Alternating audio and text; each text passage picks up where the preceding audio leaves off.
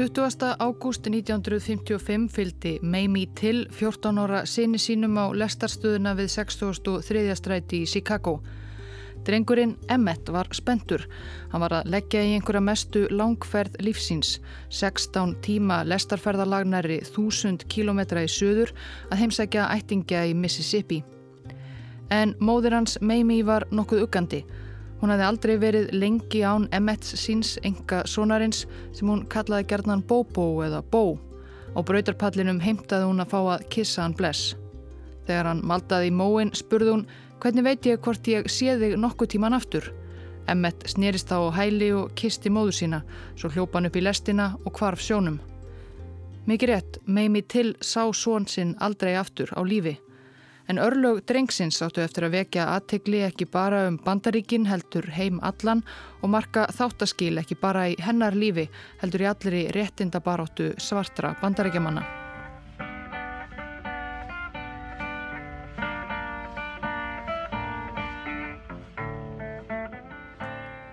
Móðir Emmets, Mamie Carthan síðar til, var fætt í Mississippi 1921 Fóreldrar fluttu til Illinois þegar hún var tveggja ára gömul til bæjarins Argo í nákrenni Chicago.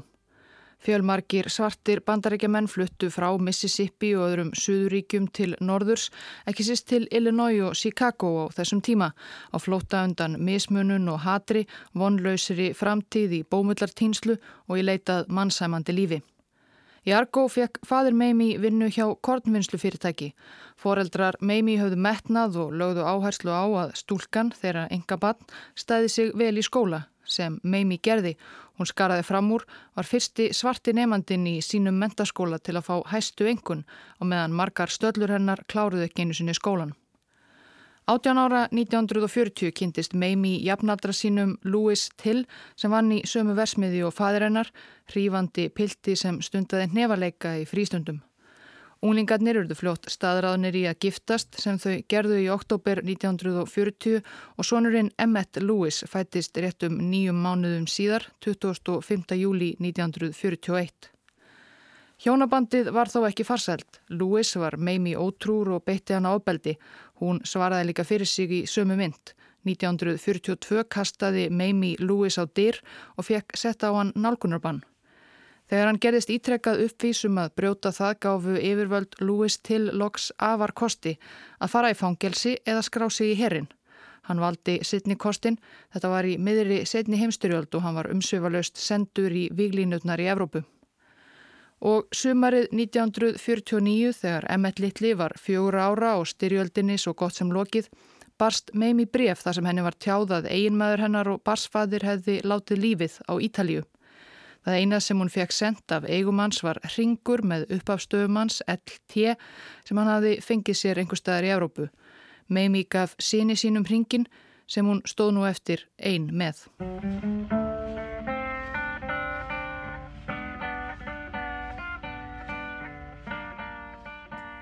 Mæðgininn fluttu til Chicago, til suður hluta borgarinnar þar sem svartir borgarbúar byggu helst. Hverfi þeirra þar var næstum einskonar litla Mississippi, svo margir áttu ættir að rekja þangað suður og þarna bjó meira að segja fræntfólk meimi. Þegar Emmett var sex ára veiktist hann af lömunarveiki. Hann náði sér eftir nokkura mánuða legu en glýmdi við stam þar sem eftir var.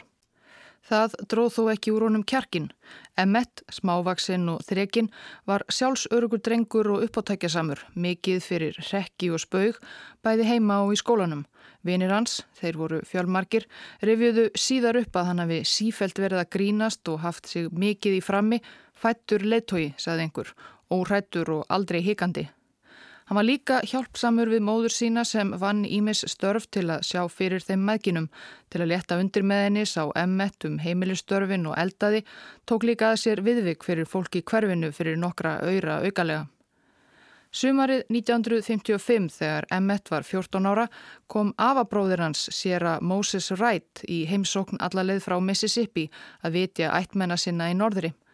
Í lok heimsóknarinnar bauðan Emmett og tveimur litlum frændum á svipuðu reiki sem byggu þarna í hverfinu, Wheeler Parker og Curtis Jones, að heimsækja sig og fjölskylduna í Mississippi.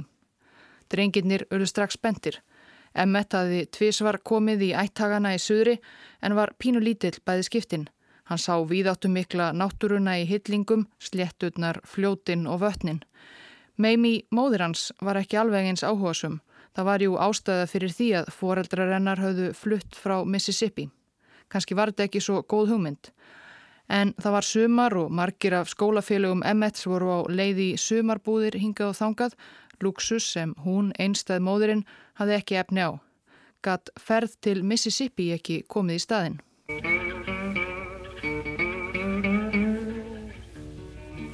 Áður en Emmett lagði af stað söður lagði móður hans sónum þó nokkrar lífsreglur. Hann var í raun á leið í annað land, gjör ólíkt því sem hann hafði alist uppið. Emmett var vafalaust vanur, mismunun og fordómum. Réttarstaða svartra var ekki sérlega góð í Chicago á þessum tíma, ekki frekar enn í raun nokkur staðar í bandaríkunum.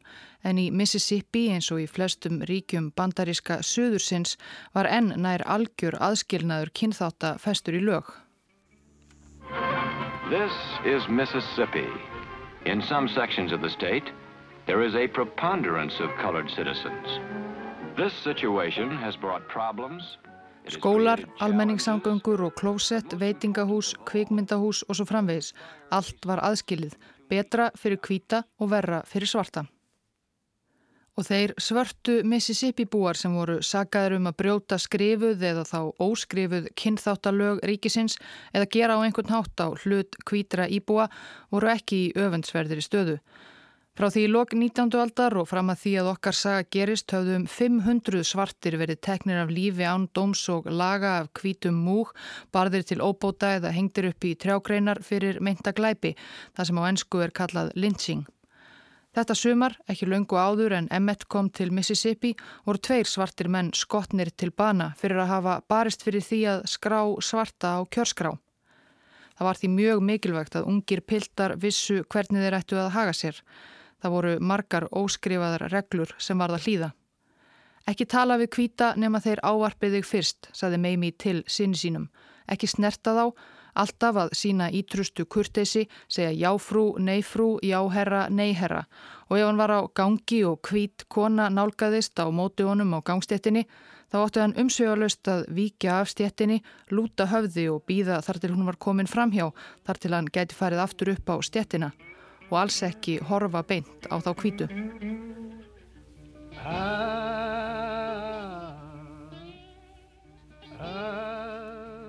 Bærin Money ber tilkom mikið nafn en þar hafa aldrei flætt peningar.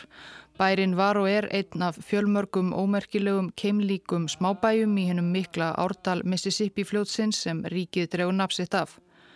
Money stendur við aðra minni á Tallahassee um 150 km í norður frá Jackson, höfuðborg Mississippi. 1955 voru íbúar í Monni um 400, hvítir og svartir, aðal atvinnuvegir allir tengtir bómullarækt og vinslu og í raun bara einn gata sem heitið gati í bænum, hún hétt Monni Road. Sera Moses Wright, hálf sjötugur afabróðir Emmett Till, bjó á samt konu sinni Elisabeth og þremur sónum, 16, 14 og 12 ára, í gömlu, litlu en reysulegu húsi á bómullar plantegru spottakorn austur á Monni. Sinir hans unnu við bómullar tínslu á sumrin og það gerðu Chicago frændur þeirra þrýr líka þegar þá barað gardi setnipartin í ágúst. Annars fer ekki sérstökum sögum af dvöl Emmets og félaga í Money, Mississippi allra fyrstu dagana. Fyrir en fjórum dögum eftir að þeir komu með lestinni frá Stórborginni miðugudaginn 24. ágúst 1955.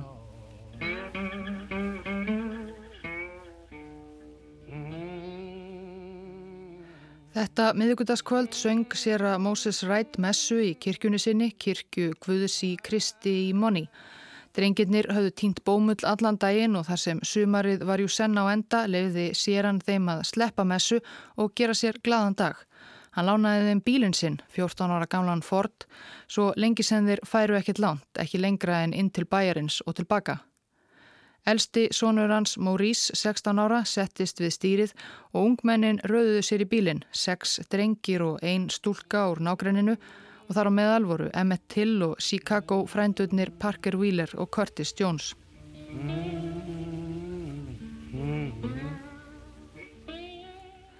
Við einu götuna í Monni var einu verslun, matvöru og kjötmarkaður Bryant sem ungur kvítur maður, Roy Bryant, 24 ára, hafi rekið í nokkur ára á samt konu sinni, þremur árum yngri, Caroline Bryant. Þángað stemdu krakkarnir til að kaupa sér góstrykki og selgæti og tyggjó, ekki í fyrsta sinn. Veröndin fyrir utan búðina var vinsæl samkómustadur ungra bæjarbúa, það var einnig vinsælt að setja þar og spila damm. En hvað gerðist svo er eitt það umdeldasta í þessari sögum.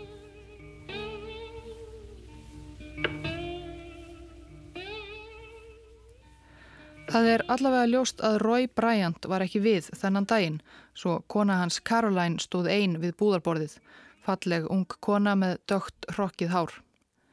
Wheeler Parker var fyrstur drengjana inn í búðina, Emmett fyldi fast á hælaðan sinn.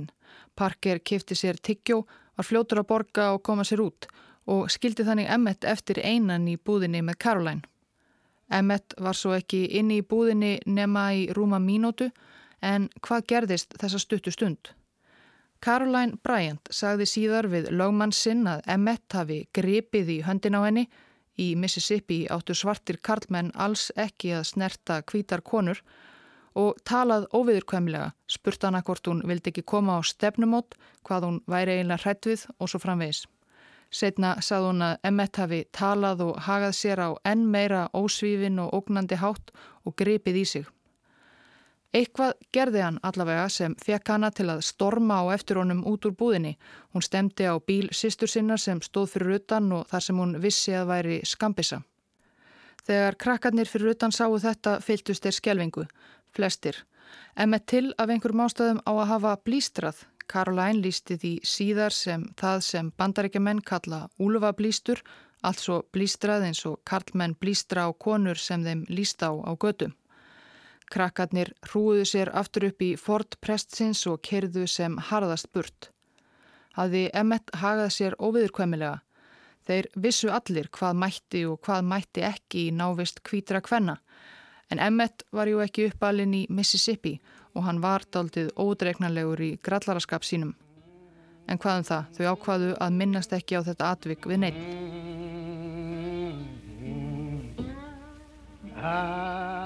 This is Mose Wright. I am the uncle of Emmett Lewis Till. Sunday morning, about 2.30, Við heyrum Sera Moses Wright segja frá atburðum klukkan half þrjú aðfaranótt sunnudagsins 28. ágúst 1955, þremur dögum eftir að krakkarnir fengu fordinans lánaðan.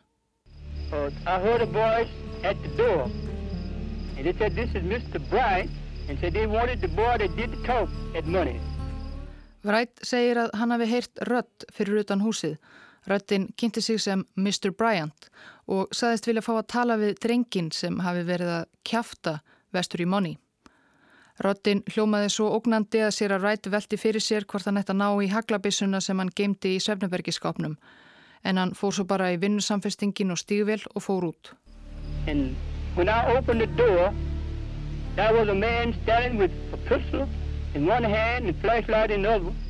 Fyrir utan stóð kvítur maður með skambissu í annari hendinni og vasaljós í hinni. Og hann var ekki einn á ferð, þeir voru þrýr, þeir tveir fremstu báðir vopnaðir skambissum. Þeir ruttust inn í hús pressins. So we marched on around through two rooms and I found the boy in the third room Aðkommennir fóru herbergi úr herbergi þar sem heimilisfólkið lág í fasta svefni, já það svaf ekki mikið lengur, með bissur og vasaljus á lofti og spurðu hvar drengurinn frá Chicago lægi. Í þriðja herberginu sem þeir leituði í fundu þeir loks Emmett Till sem svaf í sama rúmi og Simeon, yngsti sonur pressins. Mennirnir skipuðu Emmett að fara fram úr og í fött. Er þú strákurinn sem var með kjaft í búðinni, spurðu þeir og Emmett, nývaknaður og vangaður, jánkaði því. Presturinn frændi hans grátbað mennina að taka ekki drengin. Hvað ertu gammal, gamli, spurði þá annar. 64 svaraði Sira Moses Wright. Hættu þessu múðri, annars myndu aldrei lifa það að verða 65.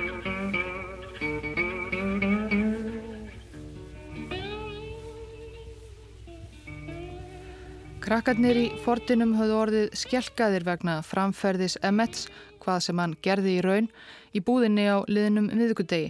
En þegar dagarnir liðu og ekkert gerðist, enginn myndist á þetta, þá glemtu þess allir smátt og smátt. Þar til að heilum fjórum dögum síðar af opnaðir menn ruttust inn á heimili Moses Wright og námu á brott frænda hans Emmett Till 14 ára, hendu honum upp á pallbíl, bundu hann fastan og kerðu á braut.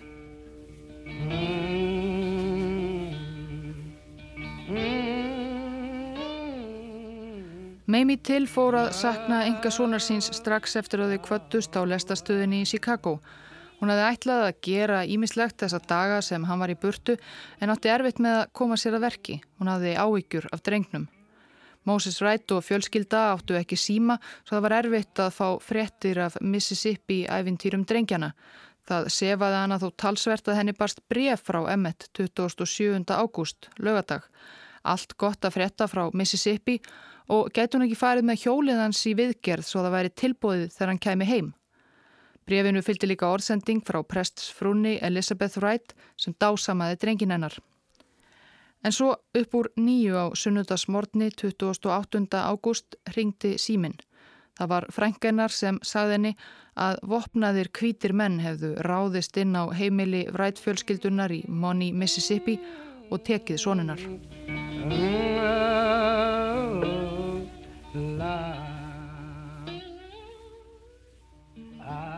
Meimi til fylltist skiljanlega örvæntingu en það var lítið sem hún gætt gert lengst í burtu í Chicago nema býða frekar í fregna af leitinni að drengnumennar, fregnir sem bárust stöpult vegna þess hver lítið var um síma þar siðra. Meimi til dóð þó ekki ráðalus, eitthvað var hún að gera. Hún hafði samband við fjölmiðla í Chicago, dagblöð sem svarta samfélagið í borginni gaf út, sem og Chicago deild réttinda samtaka svartra NAACP. Samtökinn komu henni í samband við ráðamenn í Chicago og Illinois ríki sem beittu sér fyrir því að leitað væri að emmett af fullri alvöru en ekkert spurðist til pilsins.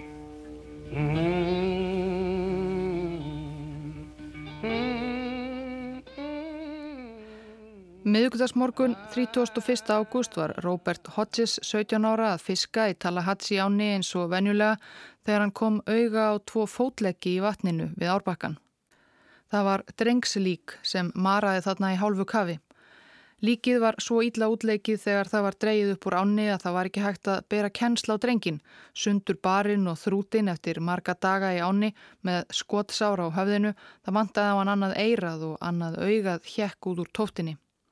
Um hálsin á honum var vafinn gattavír sem ívar fest 70 kílóa stálvifta ár bómullar fræskilju.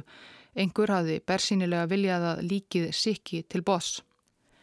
Drengurinn var nakin en á einum fingri var silfraður ringur sem ávoru greiftraðir stafinnir LT.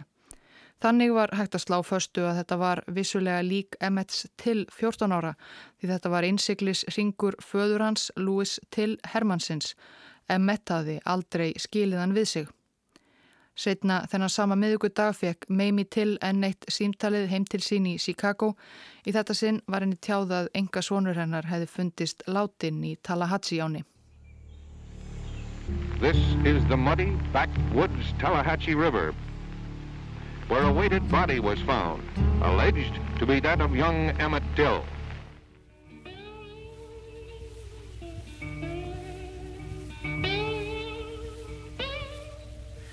Minning Emmets til hefur lifað í meira en hálfa öld.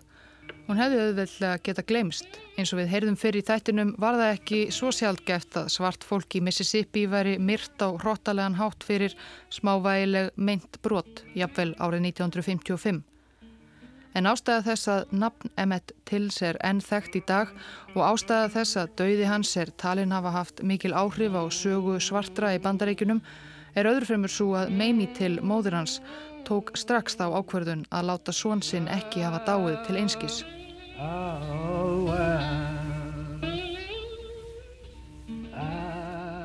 Lauruglustjórin í Tallahatsi síslu skipaði útfarastjóranum á svæðinu að grafa lík Emmets til hins snarasta, samtægus. En þegar Meimi fekk fréttir af því gegnum fræntfólkið Sidra tók hún það ekki mál og henni tókst frá Chicago að fá það fram að annar útfarastjóri tæki við líkinu og fluttið að norður. Hún þurfti að borga rúm áslaun sín fyrir flutningin og honum fylgdi eitt skilirði. Líkið skildi flutt til Chicago í lokaðri kistu og síðan greftrað í þeirri sömu kistu og alls ekki skildi opna kistuna. En þetta tók Meimi til ekki í mál heldur. Þvertamóti fór hún ekki einungis fram á að fá að sjálf berja líkamsleifar sonar síns augum heldur að kistan hans yrði opinn í jarðaförunni svo allir getur séð hvað er gerðunum kvítumennir í Mississippi. Séð líkið sem var svo ítla farið, bólkið, barið og skorið að andlit drengsins var óþekkjanlegt með öllu, varla mennst að sjá.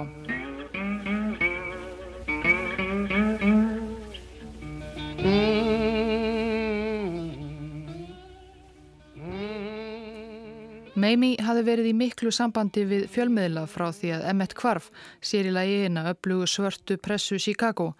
Mál hans vakti þar mikla aðtikli og hörð viðbröð meðal svartra borgarbúa. Þegar líkista Emmets kom með lest til Chicago förstu daginn annan september hafði því mikill mannfjöldi sapnast saman á brautarpallinum til að taka á mótónum sorgmætt fólk og reitt.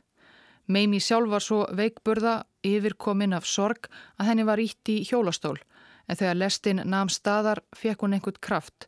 Chicago Sun-Times saði svo frá. Frú Meimi stökk upp úr hjólastólnum á föstudag þegar Panama Limited lest Illinois í árbrautuna kom að. Hún spretti yfir þrenna brautarteina að flutningavagnunum þar sem líkið lág í viðarkassa. Þar fjallun hún hnén og grét ofsafengið. Ástinn mín, ástinn mín, ég hef vaðið í gegnum eld til að fá þið heim. Ég veit að þú hugsaðir til mín þegar þú varst að deyja. Ó barni mitt, þú deyrð ekki til einskis. Þvert á öll fyrirmæli var kistan svo opnuð á útfarastofu í Chicago og hryllilegur raunveruleikin blasti við. Meimi þvert tók fyrir að útfarastjórin reyndi á nokkurn hátt að fegra líkið og bauð hverjum sem vildi að virða það fyrir sér á útfarastofunni. Dagblaði borginni áætlaði daginn eftir að 40.000 Chicago-búar hefur lagt leið sína þangað til að sjá líkið fyrsta kvöldið. Byðröðin hlikjaðist um allt hverfið. Sömu sögu var að segja næstu þrjá daga líklega hafa meira en 100 eða 200.000 Chicago-búar skoðað lík Emmets til. Og það var ekki auðvelt. Spreja varð ilmefnum yfir útfarastofuna vegna óþefs af líkinu, þau gerðu þó lítið. Við kistuna stóðu menn tilbúinir að grýpa þá sem fjallu í yfirlið. Svartir íbúar Chicago voru sorgmættir en í þeim kröymaði líka reyði.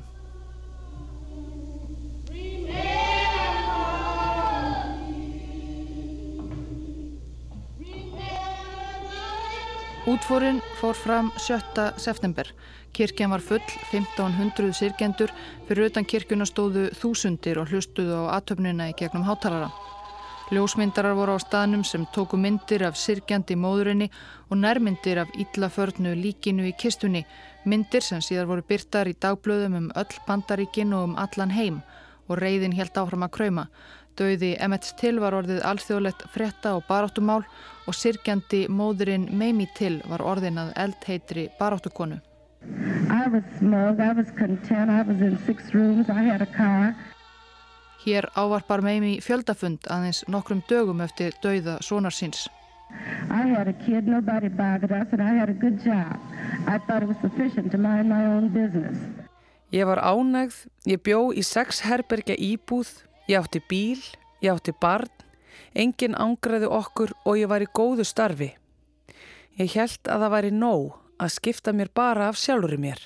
I didn't realize that everything was my business, that the way the people are treated all over the earth was my business. Now I know it. Ég áttaði mig ekki á því að allt kemur mér við, að það kemur mér við hvernig farið er með fólk um heim allan. Nú veit ég það.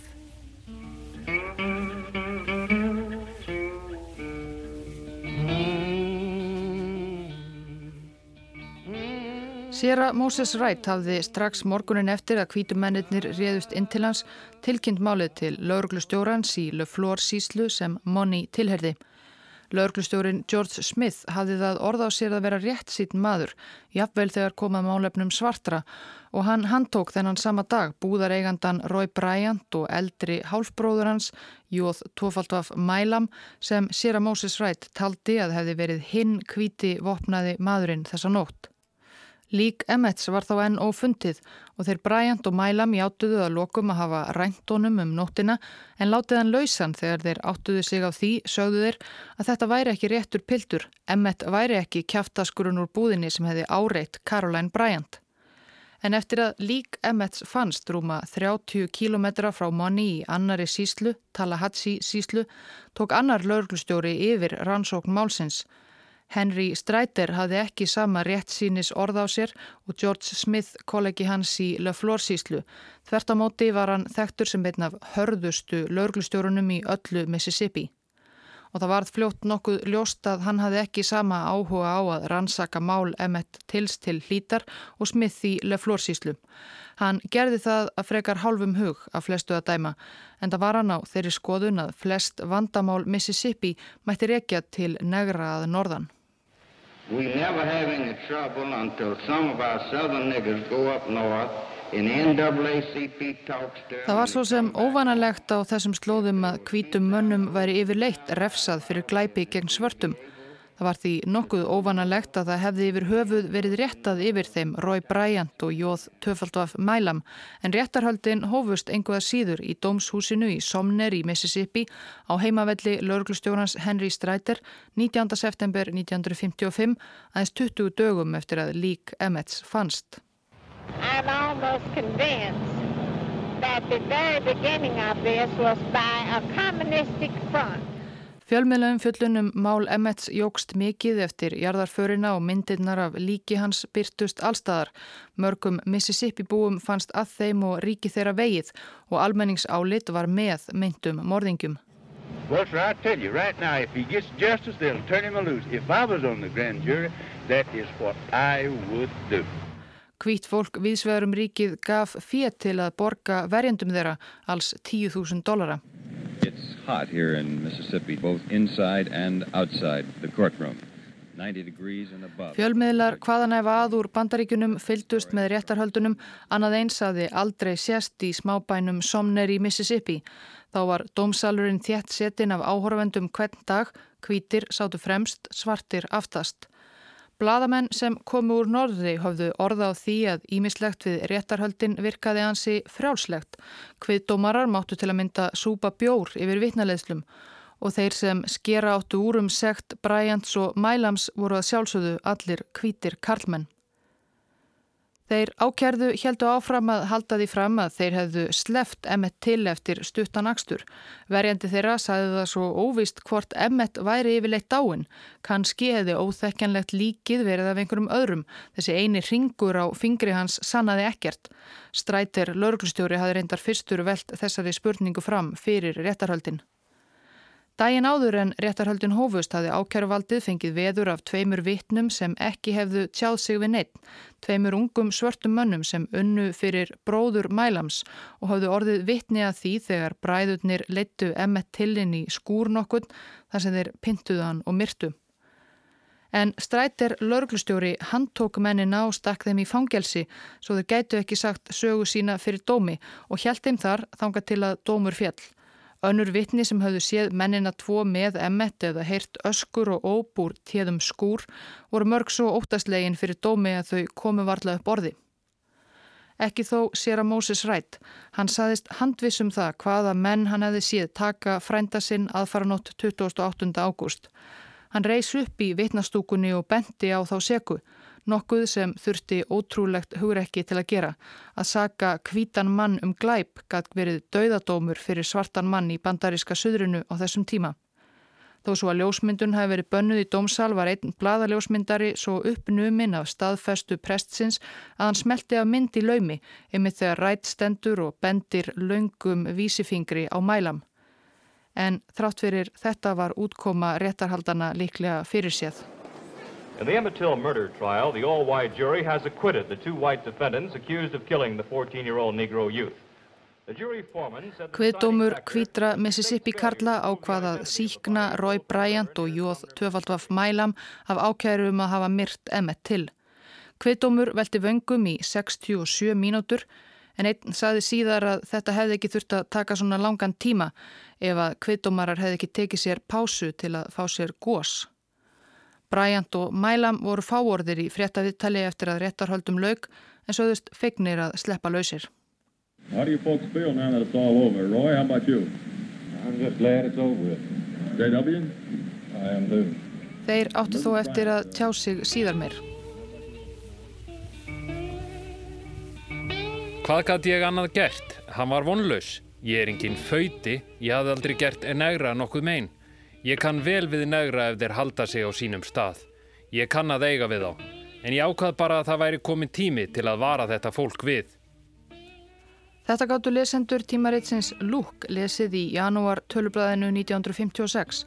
Rói Bryant og Jóð Töfaldvaf Mælam hafðu selt bladamanni sögu sína fyrir nokkur þúsund dollara, sanna sögu sína því þeir játuðu nú fúslega að hafa myrt Emmett til. Það er Mælam sem talar hér. Svo lengi sem ég lifi og ef ég fæ eitthvað með það gert, þá halda negrar sig á sínum stað. Negrar fara ekki að kjósa þar sem ég bý. Þeir myndu taka stjórnina yfir. Þeir fara ekki í skóla með mínum börnum og ef að negri gerir sig líklegan til að minnast á kynlíf með kvítri konu, þá er sáorðin lífsleður. Ég geti vel drefið hann.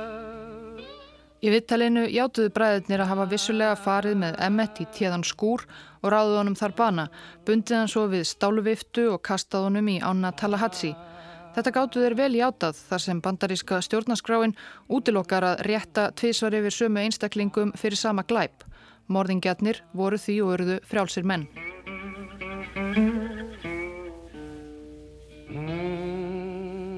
Ég og mitt fólk barðist fyrir þetta land og við höfum réttindi. Ég stóð þarna og hlustaði á þennan negra spúa sínu eitri yfir mig og þá bara ákvæði ég það. Chicago strákur, saði ég. Ég er komið leið á því að þeir sendi þína líka hérna söður til að baka vandraði. Helvitið þitt, þú verður viti til varnaðar, svo allir viti hvar ég og mitt fólk standi.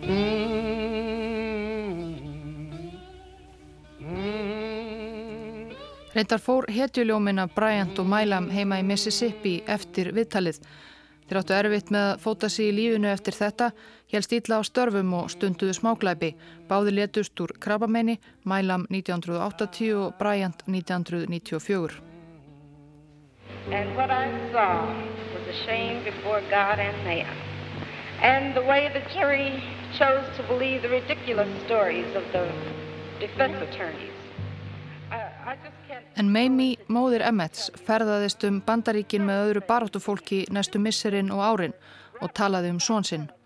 Reyði vegna örlaga Emmets til og síknu dómsins yfir morðingum hans var til þess að aukinn kraftur færðist í réttinda baráttu svartra. Um öll bandaríkin nefndu menn nafn Emmets til og kröfðust réttlætis. Martin Luther King talaði um Emmet í ræðum sínum. Eina slíka ræðu heyrði konaðanabni Rosa Parks í heimabæ sínum Montgomery í Alabama í desember 1955.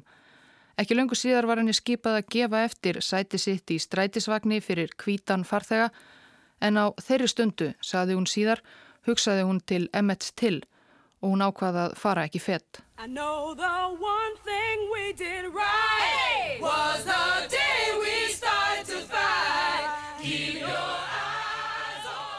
Síðan hefur auðvitað margt áunist í baráttu svartra bandaríkjamanna fyrir réttindum og gegn fordómum. En 2006 voru skildi sett upp á ýmsum stöðum í Mississippi sem tengjast sögu Emmets. Í Moni, þar sem skúrin stóð, þar sem hann dróð sinn síðasta andardrátt, við bakka Tallahatsi þar sem líkið fannst. Skildin hafa ítrekkað orðið fyrir barðinu á skemdarverkum. Það hefur verið málað yfir þau, alveg skotið á þau, Það hafi verið spreyjaðir á þau einkennistafir Hatturs samtakana Ku Klux Klan.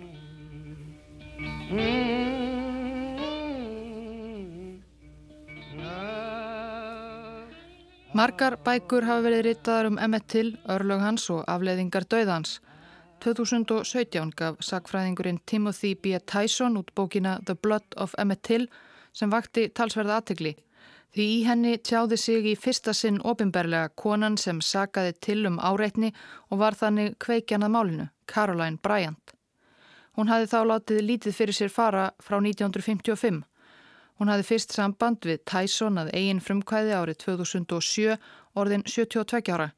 Hún sagði honum svo að þáverandi eiginmaður hennar Roy Bryant hafi beitt hana ábeldi og hún hafi verið hrætt við báða þá bræður. Svo hjátaði hún að Emmett hefði ekki gert neitt af því sem hann var sagaður um á sínum tíma. Hann hafði sannarlega ekki ráðist á hana eða við haft neyn ógnandi eða klámfengin ummæli eða tilburði. Meira myndi hún ekki en eitt væri hún vissum að ekkert sem hann hafi mögulega gert gæti réttlætt þau orlög sem hann hlaut.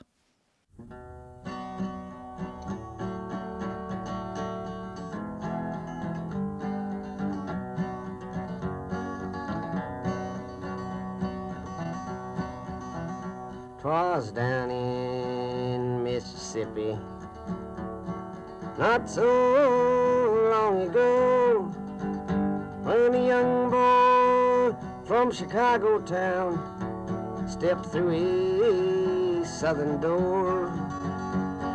This boy's fateful tragedy I can still remember well. The color of his skin was black, and his name was Emmett Till. Some men they dragged him to a barn, and there they beat him up. They said they had a reason, but I can't remember what. They tortured him and did some things too evil to repeat. There was screaming sounds inside the barn. There was laughing sounds out on the street. Then they rolled his body down a gulf amidst a blood-red rain, and they threw him in the waters wide to cease his screaming pain. Killed him there, and I'm sure it ain't no lie, was just for the fun of killing him and to watch him slowly die. And then to stop the United States of yelling for a trial two brothers, they confessed that they had killed poor Emmett Till. But on the jury, there were men who helped the brothers commit this awful crime. And so this trial was a mockery, but nobody there seemed to mind. I saw the morning papers, but I could not bear to see the smiling brothers walking down the courthouse stairs. For the jury found them innocent, and the brothers, they went free. While Emmett's body floats the foam of a Jim Crow southern sea. If you can't speak out against this kind of thing, a crime that's so unjust, your eyes are filled with dead man's dirt, your mind is filled with dust. Your arms and legs they must be in shackles and chains, and your blood it must refuse to flow. For you to let this human race fall down so god awful low. This song's just a reminder to remind your fellow man that this kind of thing still lives today in that ghost robe Ku Klux Klan. But if all us folks that thinks alike, if we'd give all we could give, we'd make this great land of ours a greater place to live.